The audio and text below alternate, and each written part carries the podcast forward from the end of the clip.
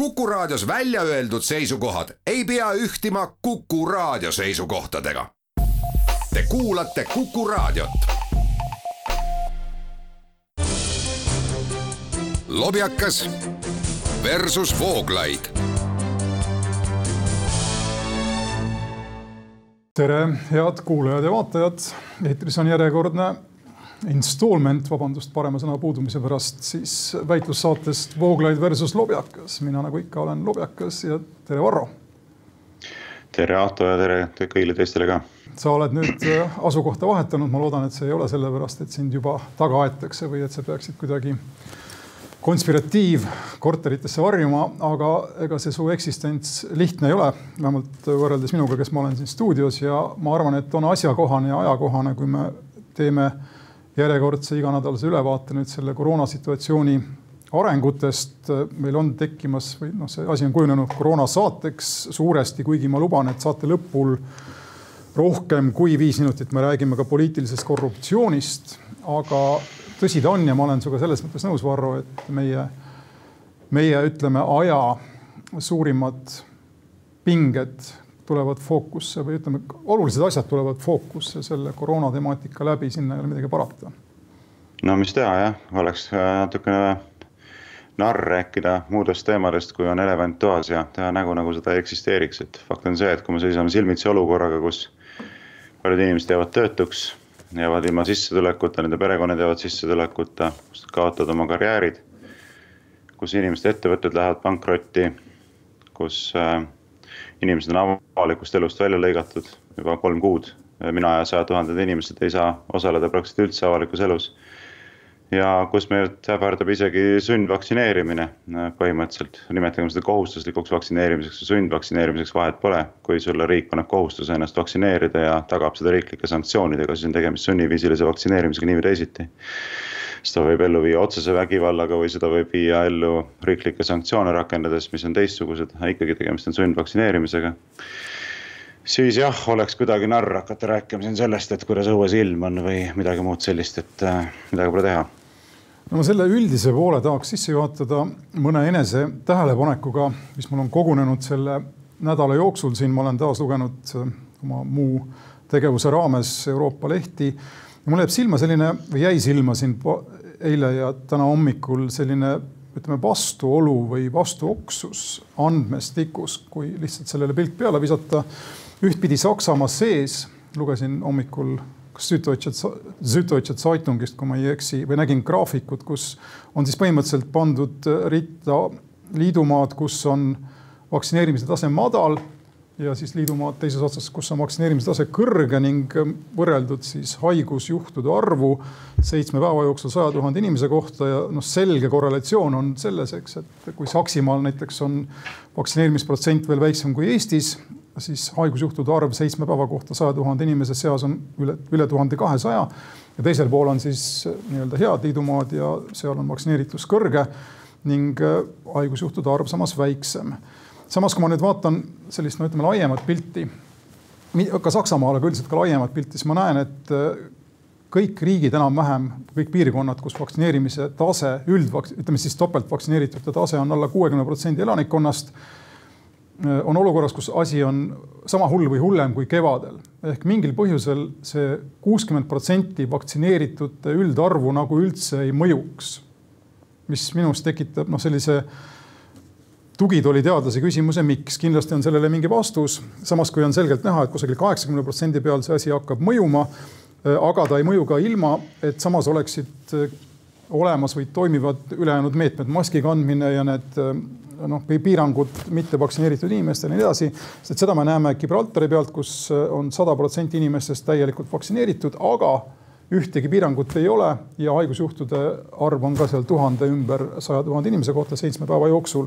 kui ma nagu vaatan sellele andmemassiivile või nendele graafikutele, mis massiiv ta on, siis äh, ma pean ütlema, et minus on äh, olemas kerge segadus ja ainukene viis, kuidas ma sellest segadusest olen nagu ise üle suutnud veidikene saada, on põhimõtteliselt mõtestada seda lahti või ma mõtestan selle asja endale lahti mis praegu Euroopas toimub, see ütleme, sundvaktsineerimise tulek Saksamaal ja Austrias ja, ja piirangute karmistumine ja samas, samas ka haigusjuhtude arvu oluline, noh, oluliselt siis mitte vähemaks jäämine, eks.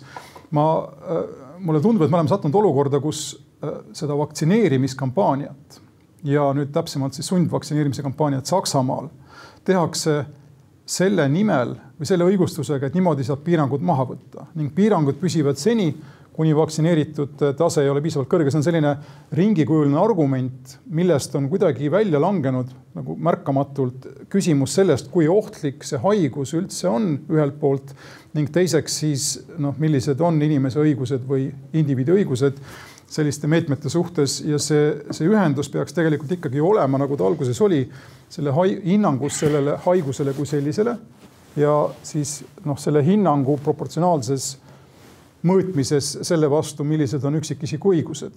nüüd me oleme olukorras, kus kõik sõltub haiglate täituvusest ning kusjuures ka see on kontrolli alla saadud, aga ometi projitseeritakse edasi noh, ütleme siis sellist nagu mõtet, et kõik, kõik inimesed tuleb vaktsineerida, kusjuures sellele, sellele poliitikale ei seata nagu ajalist mingisugust raami, sest et no kui nüüd kõik läheb edasi, nagu seni on asjad käinud, siis tuleb meil ennast vaktsineerida, ütleme siis kohustuse korral kogu ülejäänud elu iga kuue kuu tagant. ja ma ei ole kindel, et jällegi ma kordan seda, aga ma ei ole kindel, et keegi on sellele mõelnud, vähemalt keegi ei räägi sellest ja ma jätaksin lihtsalt jutu, jutu järje sulle siin oh,. noh, eks me olemegi jõudnud teatud mõttes ju sellisesse punkti, kus nagu kuidagi selline tunne tekib, et mis mõtet on nende teemadel enam üldse rääkida nagu, et ega see ju ei maksa niikuinii mitte midagi, mida sa räägid.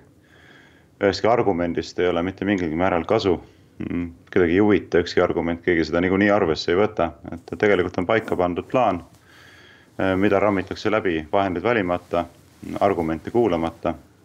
ja kogu see äh, igasugune diskussioon, et vaata nüüd seal on see protsent selline või siin on selline, see on muutunud tegelikult noh, minu meelest praktiliselt täiesti mõttetuks, sest äh, mis vahet seal on. Taanis oli ka kõrge vaktsineerituse protsent, eks võeti piirangud maha, loobuti vaktsiinipassist, tuli uus laine, nüüd jälle piirangud peale et see, see jääbki nii olema, noh, tuletan meelde sama asja, sa ka osaliselt osutasid sellele, et tegemist ei ole ju mingisuguse eriti ohtliku viirusega, me teame seda nüüdseks, ei ole, see on fakt lihtsalt, mis see suremusprotsent on?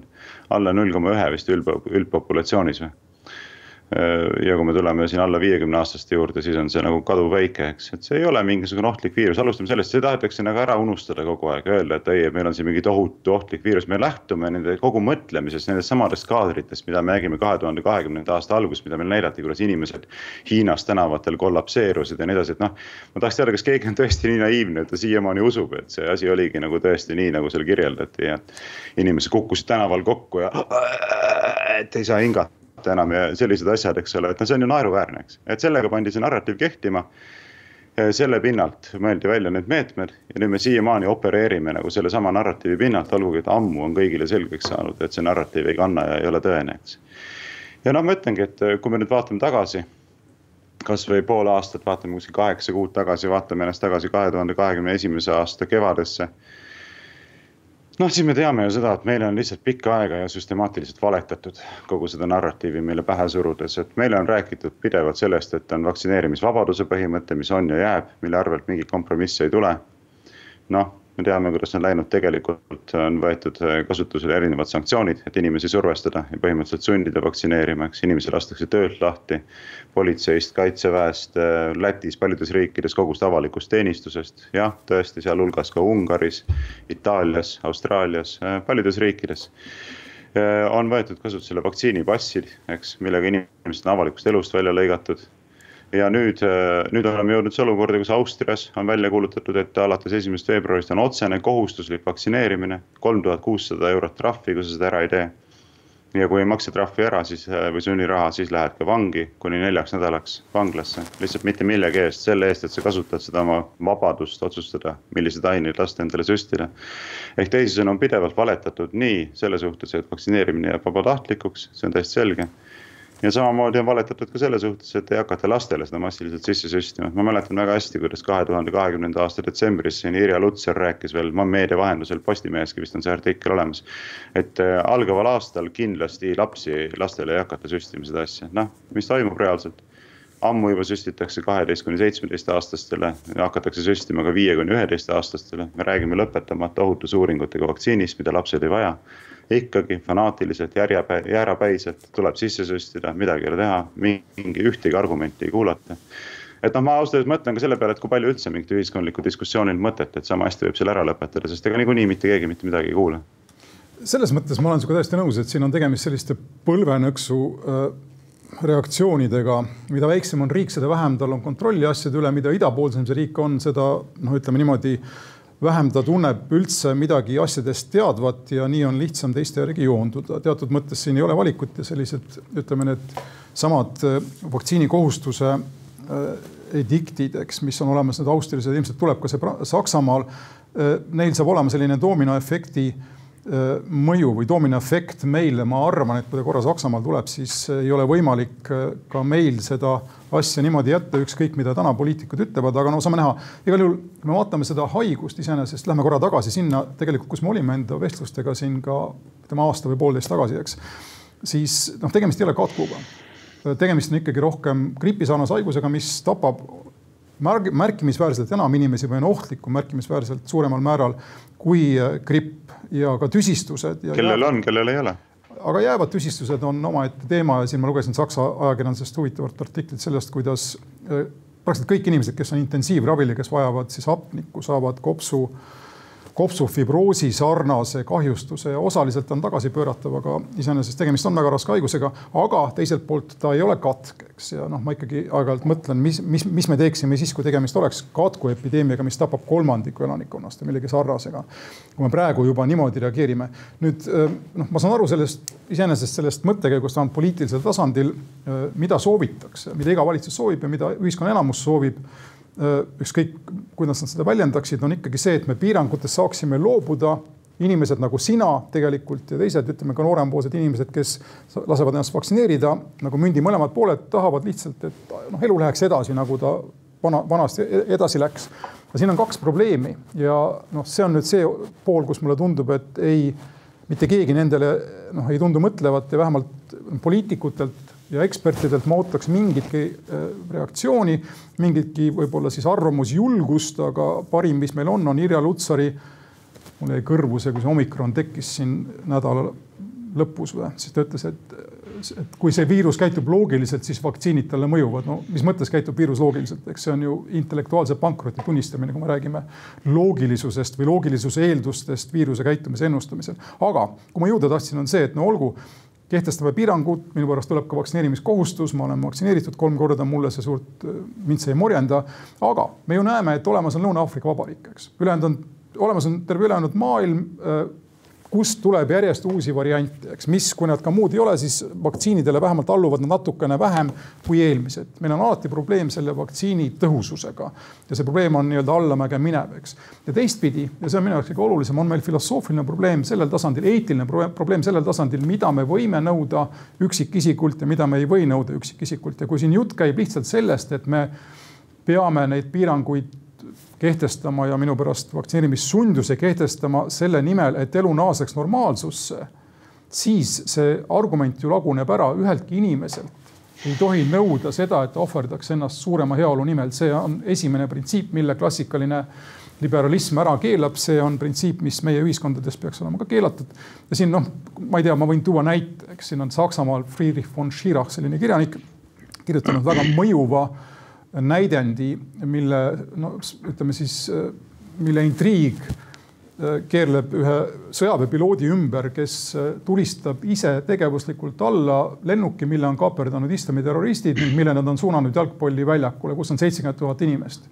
ning põhimõtteliselt äh, on küsimus siis selles, kas sellel piloodil oli õigus ohverdada kolmsada viiskümmend inimest selleks, et ähva-, et ei sureks seitsekümmend tuhat või oleks ta pidanud mitte sekkuma ja ausalt öeldes liberaalne printsiip nõuab siin mitte sekkumist. ükski number ei anna inimesele õigust teist inimest tappa. ükski number ei anna inimesele õigust, võimule õigust inimeselt vabadust võtta. vähemalt normaalsetes oludes, eks. ja sinna ma tahaksin jõuda ja siin ma olen liberaalsel positsioonil skeptiline selliste asjade suhtes nagu vaktsiinikohustus ja minu pärast ka piirangud, kuigi ma kodanikuna saan neist aru noh, ma ütlen, et. Äh, sa tahaks kindlasti rääkida Elvis Brouerist, kui me sellest üldse ei räägi. siis, ma pean tunnistama, et ma ei teagi nagu millest rääkida, sest et äh, mind alarmeerib tegelikult kogu selle asja juures see, kui vähe inimesi häirib see, kuidas meil on nagu süstemaatiliselt valetatud. ja kuidas meil on süstemaatiliselt kõrvale heidetud need printsiibid, mis peaksid olema tsiviliseeritud ühiskonna aluseks. inimesed vaatavad sihukese kalanäoga pealt seda, vaatavad kohtunikkond seda pealt, vaatavad seda õiguskaitseorganid pealt, muud, vaatavad seda pealt paljud poliitikud, ajakirjanikud, niisuguse lolli, tuima kalanäoga vaatad pealt seda, kuidas valetatakse inimestele näkku, eks. siin ei ole enam võimalik seda eitada kui näiteks Euroopa tasandil nüüd hakatakse rääkima, von der Leyen ütleb, et me peame hakkama kogu Euroopa Liidus tervikuna arutama seda, kas kehtestada kohustuslik vaktsineerimine. kui me näeme, et see kuulutatakse välja Austrias, on faktiliselt kõik inimesed, sealhulgas osad alaealised, nagu ma aru saan, arutatakse praegu, kas peaks olema alates viieteistkümnendast aastast või neljateistkümnendast või kust. et tulevad sunnirahad, kui oled vaktsineerimata, kust peaks neljateist, viieteist aastane inimene võtma sunniraha, et maksta seda kui me vaatame, mis on Kreekas üle kuuekümne aastast, et iga kuu hakkad maksma sada eurot trahvi, kui ei ole lasknud aineid sisse süstida, Saksamaal samamoodi liigutakse selles suunas, eks.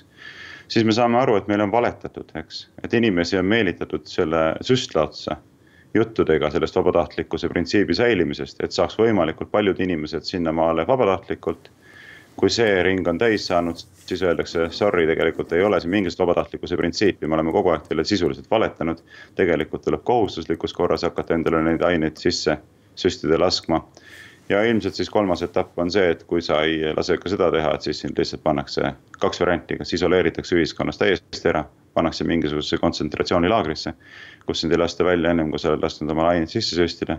või siis tullakse jõuga ja sind äh, vägisi Äh, ainestama, kui nii võib öelda. ja, ja no mis ma tahan selle kohta öelda, on see, et vaata eelmises saates ma pärast mõtlesin, meil läks natukene see jutt lappama, kui me rääkisime punastest joontest, sest sa pöörasid selle kohe sinna, nagu oleks punane joon äh, seotud tingimata küsimusega sellest, äh, millal võib hakata relva kasutama või füüsilist vägivalda no, kellegi vastu rakendama. ma mõtlesin, et Mina sulle mõt..., sulle meeldivad need sõja ja relva metafoorid, ma mõtlesin, et lähen kohe ei, lihtsama vastupanu teed, sorry ja ei meeldi ja ei, ma ei pane ka sulle seda pahaks, aga, aga selle tõttu meil jäi tegelikult teatud mõttes nagu kõrvale küsimus sellest, mida mina pidasin silmas, kui ma nendest punastest joontest rääkisin, ma ei pidanud silmas seda, millal me hakkame siin tulistama ja vägivalda rakendama, et oma põhiseaduslikke õigusi kaitsta.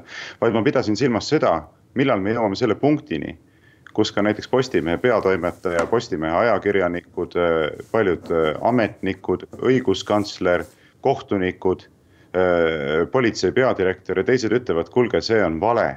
nüüd me oleme läinud liiga kaugele, see on lihtsalt vale, me ei kiida seda enam heaks. ja mis mind murelikuks teeb, ongi see, et kui me ei tõmba neid punaseid jooni maha, siis me lihtsalt liigume kogu aeg sügavamale ja sügavamale ja sügavamale ja sügavamale ja, ja see on tegelikult koht, kus mina tahaksin täiesti selgelt küsida. näiteks sellelt samalt Postimehe peatoimetajalt Mart Jaavikult, kellega ma debateerisin teiste kõigiga, kellele ma olen öelnud, me libiseme pidevalt sügavamale, saate te aru? see on slippery slope et kus kohas on teie jaoks punane joon, kas see ei ole punane joon, kui me kehtestame trahvid inimestele?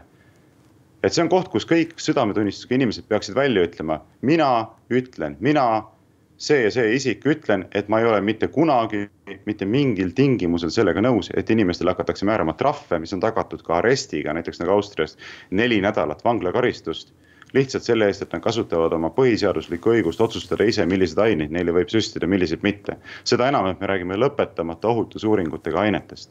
et kas on inimesed suutelised välja ütlema, et siin on minu jaoks punane joon, siit alates ma ei ole nõus seda enam mingil juhul heaks kiitma või ei ole ja mina tahan küll ütelda, et need poliitikud näiteks, kes ei ole sellist asja suutelised välja ütlema, neile ei tohiks enam mitte kunagi mitte ühtegi häält anda. sellepärast, et nende ei vääri mitte mingisugustki usaldust ühiskonna poolt. ja kui sa lubad, teine aspekt, mida ma veel puudutaksin sinu poolt räägitust, on siis see printsiip, et inimesi ei tohi ära kasutada. kogu lastele koroonavaktsiinide süstimise projekt on räiges vastuolus selle printsiibiga, kõik teavad seda, kõik teavad seda. olgugi, et osad valetavad justkui see oleks kuidagi teistmoodi, sisemas teavad kõik, et las-, lapsed ei vaja seda vaktsiini ja et lastele ei süstita seda vaktsiini mitte sugugi sellepärast, et nemad seda vajavad. me Varro, oleme läinud kaasa. Varro, teeme sellest, teeme, teeme sellest omaette teemaploki, ma tahtsin okei okay,, teeme sellest eraldi teemaploki, aga no lihtsalt noh, siis oma sõnavõtu kokkuvõtteks ma ütlen, et tegelikult enam ei ole mõtet inimestega eriti midagi rääkida, kui sa näed, et süstemaatiliselt valetamine, manipuleerimine, petmine heaks kiidetakse. ja ka siis, kui on täiesti selge, et inimestele on süstemaatiliselt valetatud äh,. laiutatakse lihtsalt käsi ja öeldakse, et noh, jah, et vana asi, unustame ära ma tahaksin ise, ühesõnaga oma poolt selle, selle ploki lõpetada natukene teistsuguse analüüsiga, põhimõtteliselt sama fenomeni teistsuguse analüüsiga, mida äh, sina oled siin äh, teinud. kui sa räägid valetamisest ja pahatahtlikkusest, siis ma olen küünilisem ja kui sa räägid punastest joontest ja küsid siin ametite, direktorite, poliitikute ja peatoimetajate ja nii edasi kohta, siis pilt, mis mulle tuleb silme ette, mitte ainult nende puhul, vaid kogu ühiskonna puhul, praktiliselt ütleme siis suure enamuse, lõviosa ühiskonnast puhul, on pilt rindejoonest, kus igaüks vaatab vasakule-paremale, et pidevalt hinnata, kui kaugel ta on eespool või tagapool teistest inimestest. ning inimese loomulik instinkt ka kahjuks meie ühiskonnas on panna ennast alati samale joonele ja kui see joon juhtub olevat taanduv, siis ta taandub teistega. kui see joon juhtub olevat edasi minev, siis ta läheb koos teistega hurraa edasi. aga seda mida üks kodanik peaks tegema, ehk siis vasakule-paremale vaatamata tegema seda, mis on õige. selle tegemise võimelised meil, noh, meil selliseid poliitikuid on mõned, mõned üksikud. Ma ei hakka neid nimesid nimetama, aga ütleme, sajast, igast sajast kaks võib-olla ja noh, ametkonnast on seda veel raskem oodata, sest et ametnikud ei ole mõeldud poliitikuteks, ametnikud on mõeldud käsku täitma, nagu ka sõjaväelased. see on üks mõte. nüüd, kui sa räägid siin sellest samast valetamisest siis äh, sedasama printsiibi põhjal, mida ma just kirjeldasin, mina ütlen sulle, et nad ei valeta ja ma ei süüdistaks neid isiklikus pahatahtlikkuses, antud juhul siis valitsust ega poliitikuid ja kes iganes on sulle mingeid lubadusi andnud, eks või meile. Need inimesed äh, räägivad seda, mida nad arvavad, et on turvaline rääkida, nad räägivad seda, mida nad arvavad, et neilt tahab kuulda nende ülemuskond ja ühtlasi, mis on siis, et oleks vastuvõetav ka suurele osale avalikkusest. ja seesama turvalisuse noh, otsimine, seda võib kirjeldada ka eesti keeles kui naha hoidmist ja sellises ühiskonnas me elame ja mitte ainult meie, vaid ka vaid ka enamus teisi ühiskond, ühiskondi on selliseid ja selles mõttes ja ainult selles mõttes ma tahan öelda kiitva sõna selle noh, ütleme Elvis Braueri ja kogu selle ürituste, ürituste jada kohta, mida me sel nädalal siin nägime millega ma ise mingil juhul kaasa ei läheks, ma ei, ma ei jaga neid arvamusi, aga vähemalt kui me räägime ühiskonnast kui avatud ja inimese eraisiku initsiatiivile tuginevast ühiskonnast, siis osalus on üks selle, sellise ühiskonna juhtivaid printsiipe ja selle osaluse julgemine siis on midagi, mida meil on kahjuks väga vähe ja, ja tuleb välja, et hetkel ainult julgevad jah nii-öelda konformismist välja murda inimesed, kes asuvad minuga võrreldes täiesti teisel pool rindejoont, aga selles ma tahan, selle eest ma vähemalt tahan neid tunnustada, sind tunnustada antud juhul, eks.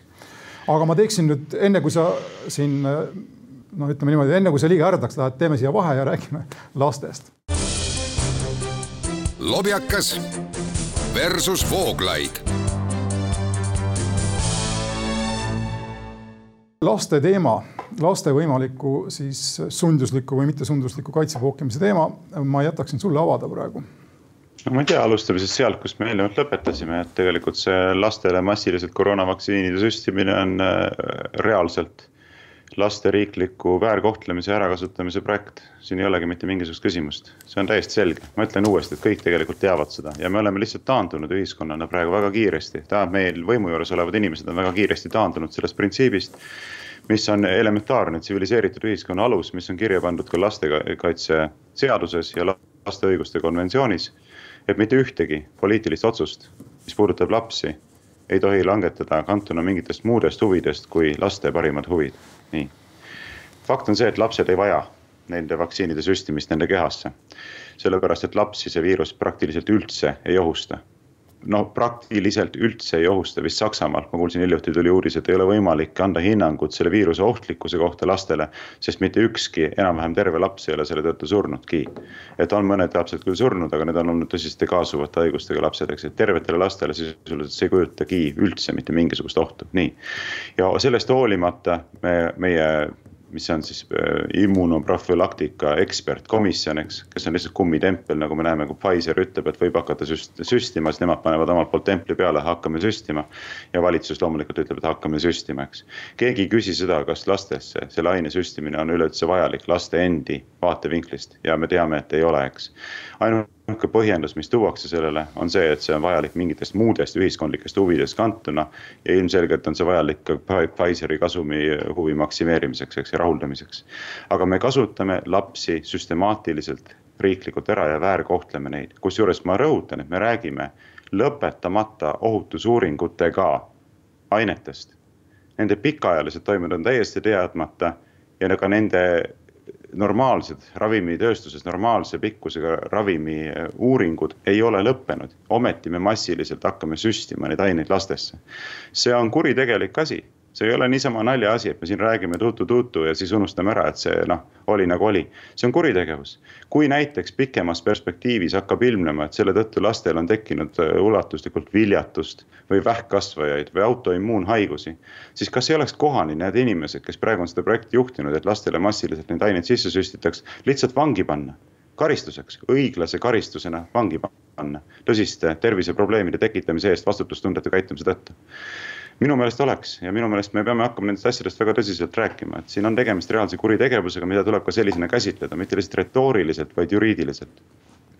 no esimesena, esimese asjana ma tahaks öelda seda, tõmmata joone sinu ja enda analüüsi vahele siin selle osas, mis puudutab õiguse enda kätte võtmisest, võtmist.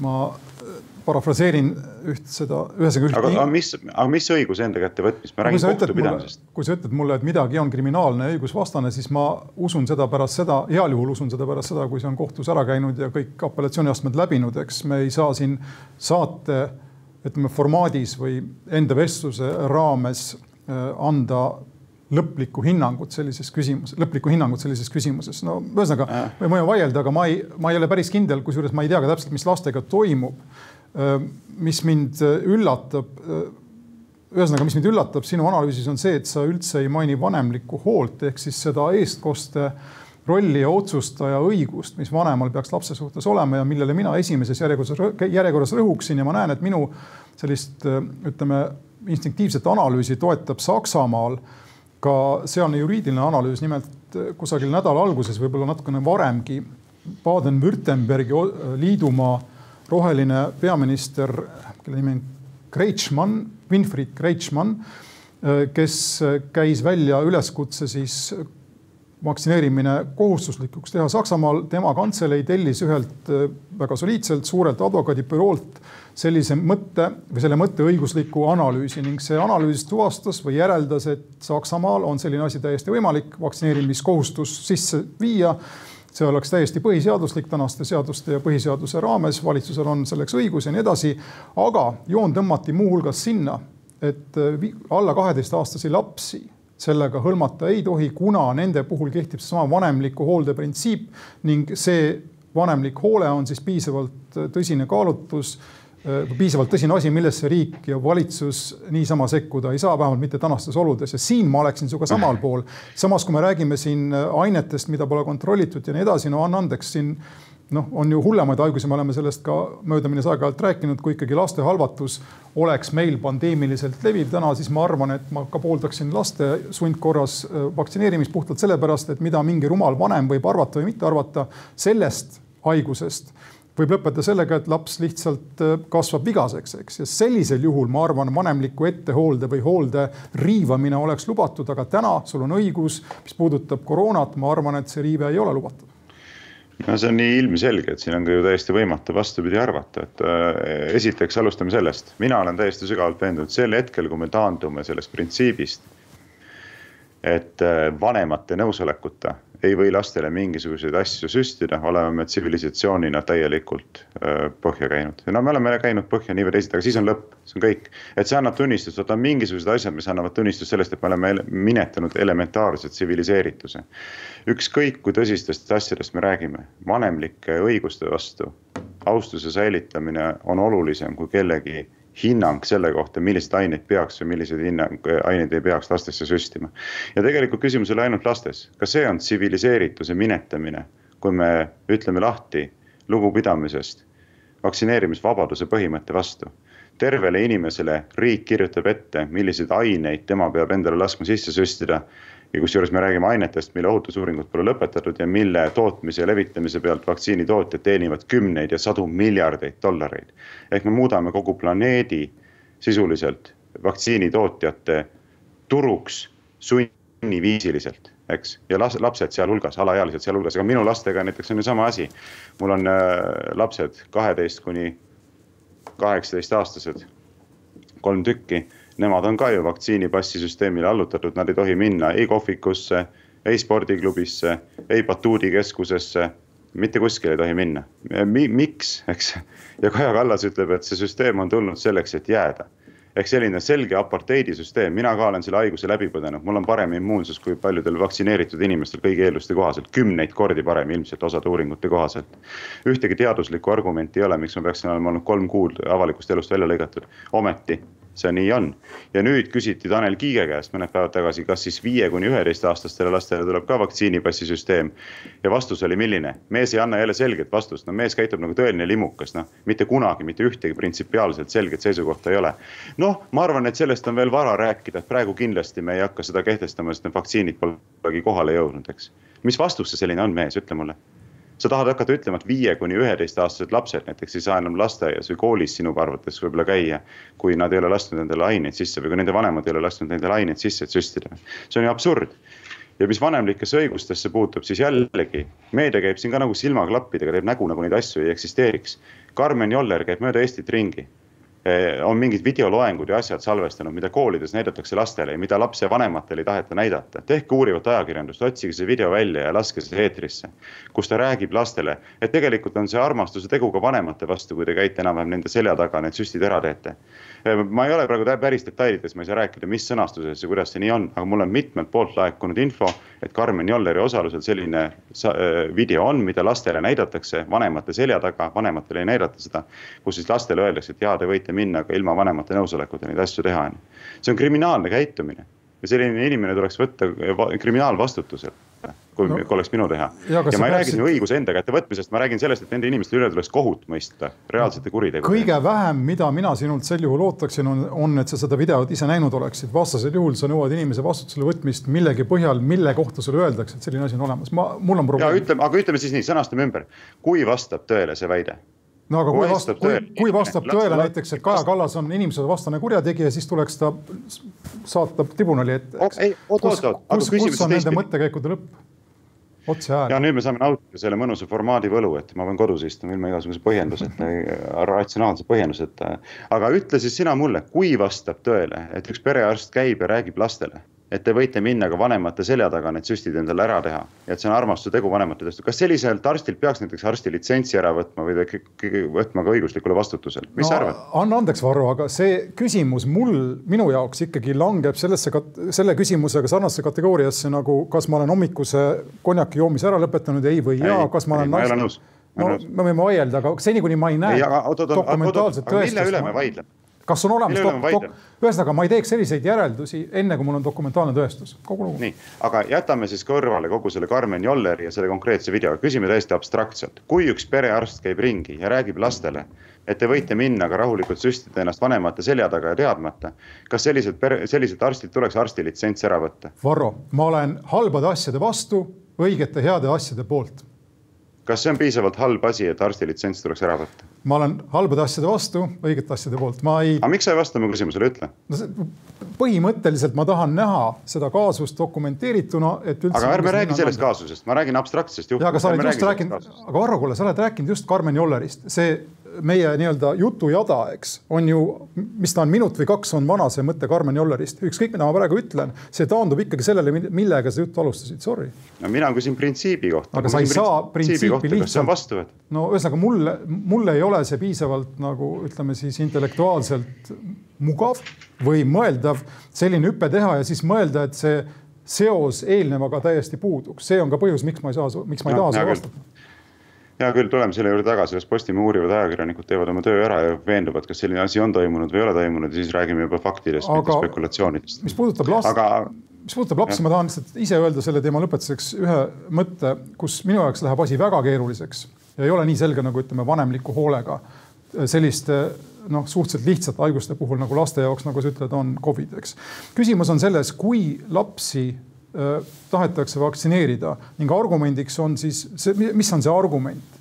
kui argumendiks on see, et laps ise kuidagi sellest võidab ja ennast, ühesõnaga enda, ütleme siis tervist või turvalisust või mis iganes tõstab, sellest ma saan aru ja noh, koroona puhul tekib küsimus, nagu sa ütled, lastele see ei mõju eriti, eks ka statistika näitab, lapsed sellesse äh, tüsistustega ei jää ega sure. minu arvates ühesõnaga see argument nagu langeks ära, kui argument on nüüd selles, et lapsed sellega aitavad teisi näiteks noh, vanavanemaid külastades on nad vaktsineeritult ohutud või mis iganes, siis ma tahaks näha neid tõestuskäike ning kui siin niikuinii on juttu tõenäosustest, siis avaneb siin see noh, ala, eks, kus me võime hakata arutama, milline tõenäosus on siis piisav või proportsioon on piisav, et sellega hakata sekkuma perekondade, laste ja vanemate õigustesse.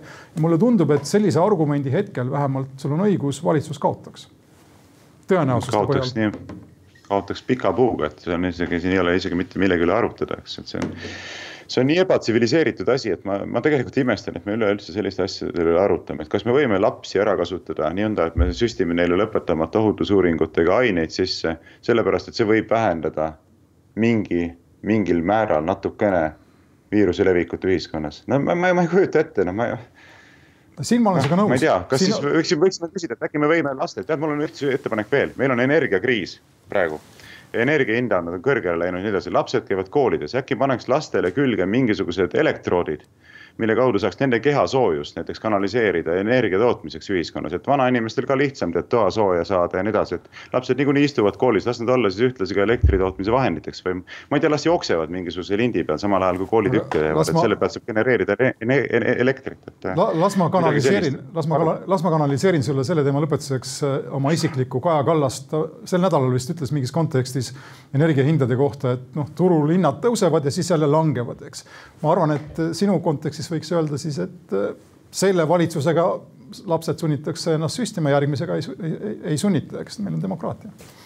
no kuidas me saame üldse lubada sellist asja, ütle homoseksuaalid levitavad rohkem suguhaigusi kui heteroseksuaalsed inimesed, kastreerime nad kõik ära, sellisel juhul on see probleem nagu vähendatud, ühiskonna huvid trampid kaaluvad selle üles, see on sama mõttekäik, sama mõttekäik. me ei austa inimeste personaalautonoomiat ja selle tõttu me oleme valmis ütlema, et ühiskonna hüvangu nimel me oleme nõus tegema mingisuguseid selliseid samme. kui su mõte on vabastada homoseksuaalid kõikidest, kõigest sellest saastast, mis nende peale on kuhjatud ja sa oled nüüd valgust näinud, siis ma seda ainult tervitan, ma ei ole päris kindel, kas ma sain aru sellest, aga noh, loodame. ma ei ole ka aru kindel, et ma sain sinu mõttekäigust aru.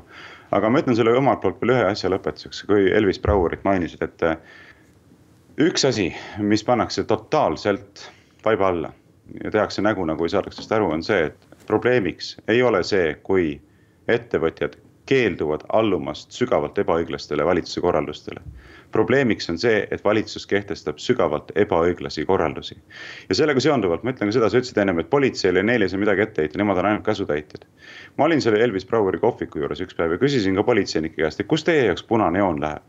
näiteks, kui hakatakse tegema sellist asja nagu Austrias, et on sundvaktsineerimine, trahvid ja kui trahvi ei maksa, siis on arest, eks kui mina ei maksa ära ja minu abikaasa ei maksa ära kolm tuhat kuussada eurot trahvi, nagu Austrias plaanitakse ette näha ja meile öeldakse, nüüd on teil neli nädalat aresti kas sina, politseinik, mees, tuled siis minule koju, paned minul ja mu abikaasal käed rauda ja vead meid kuskile kontsentratsioonilaagrisse neljaks nädalaks või?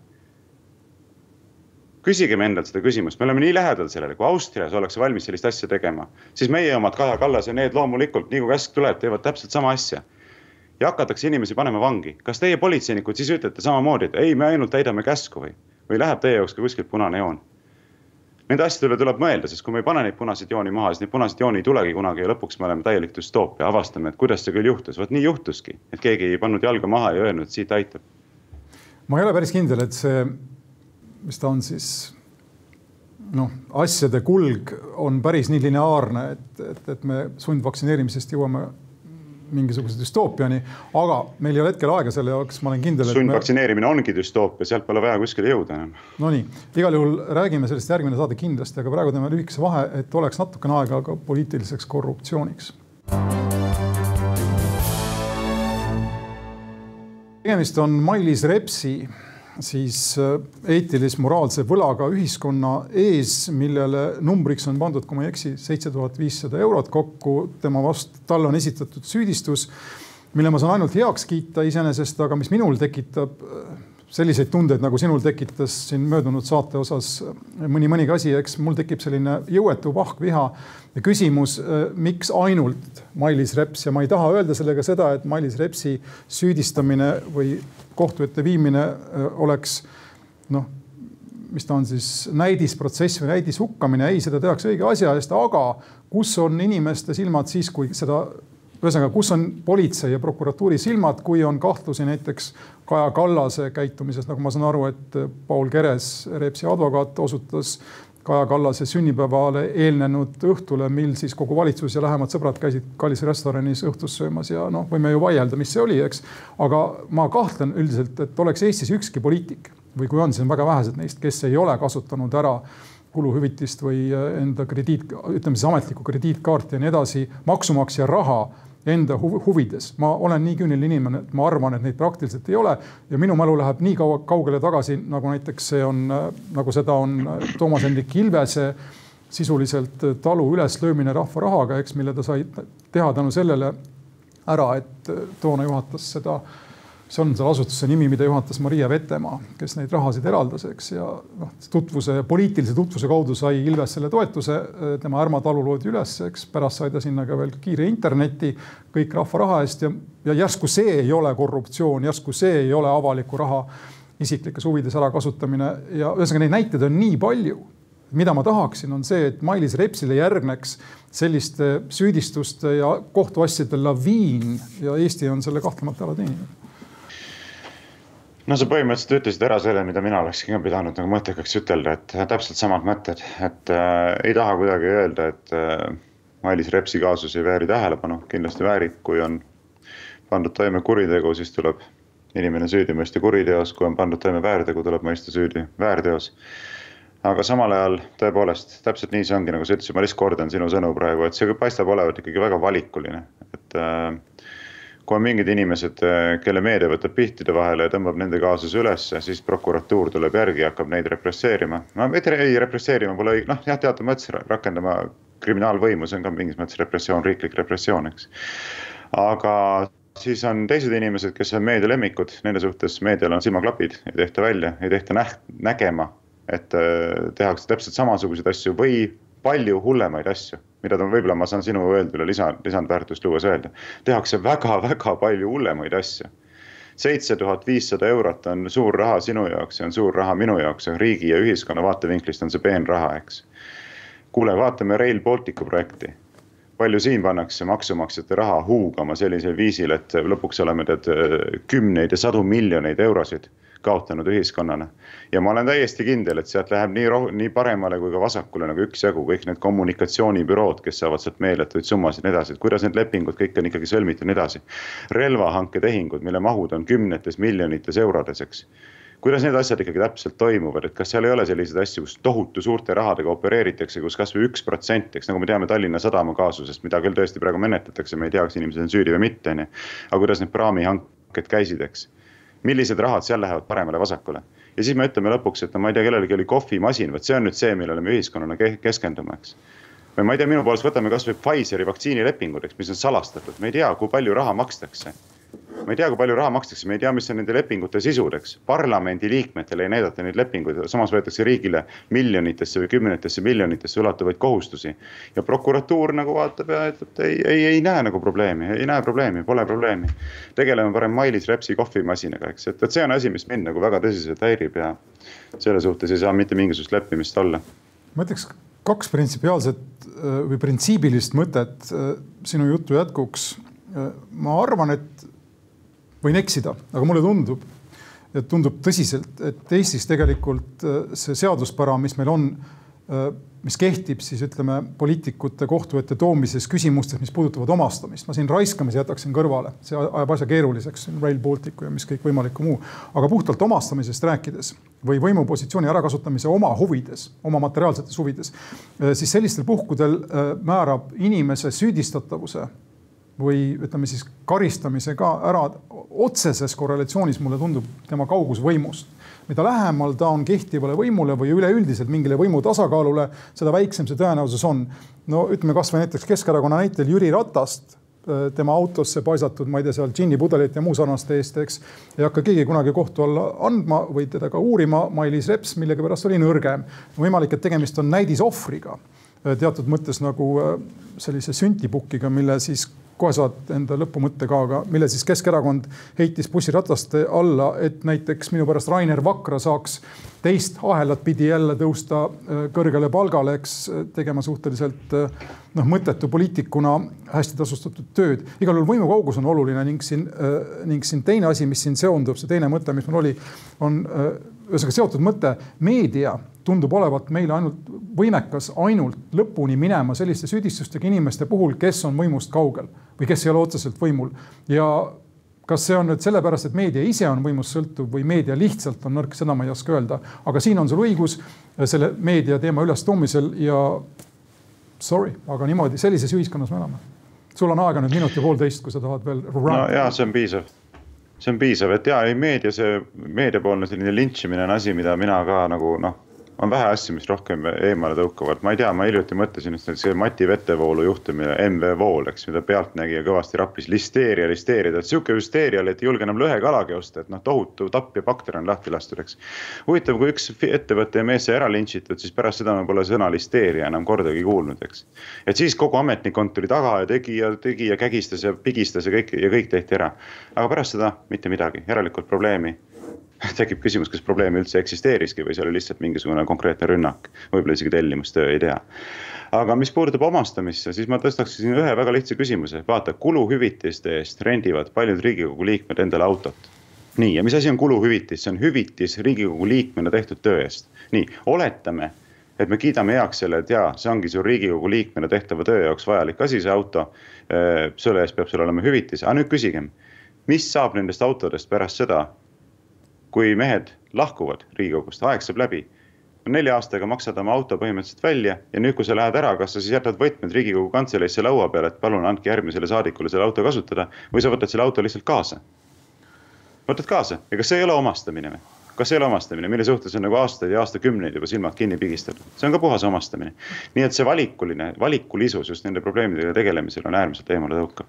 muidugi see on omastamine, aga isegi kõik ei sõltu ju sellest, mis sellest autost saab, aga me lihtsalt vaatame näkku faktile, et meie Riigikogu liikmel on kaheteist kuu palk pluss kolmeteistkümnenda kuu palk, neljateistkümnenda kuu palk ja viieteistkümnenda kuu palk, eks. see on omastamine, aga kahjuks meil ei ole rohkem aega, igal juhul ma võiksin rant ida siin veel tunde. aga äh, selle saatega on nüüd ühel pool. Äh, tänan Varro ja tänan kuulajaid ja vaatajaid kuulamast ja vaatamast. ja ilusat nädalavahetust, nautige kohvikuid ja restorane ja spordiklubisid. jah, kõik ilusad. lobjakas versus Vooglaid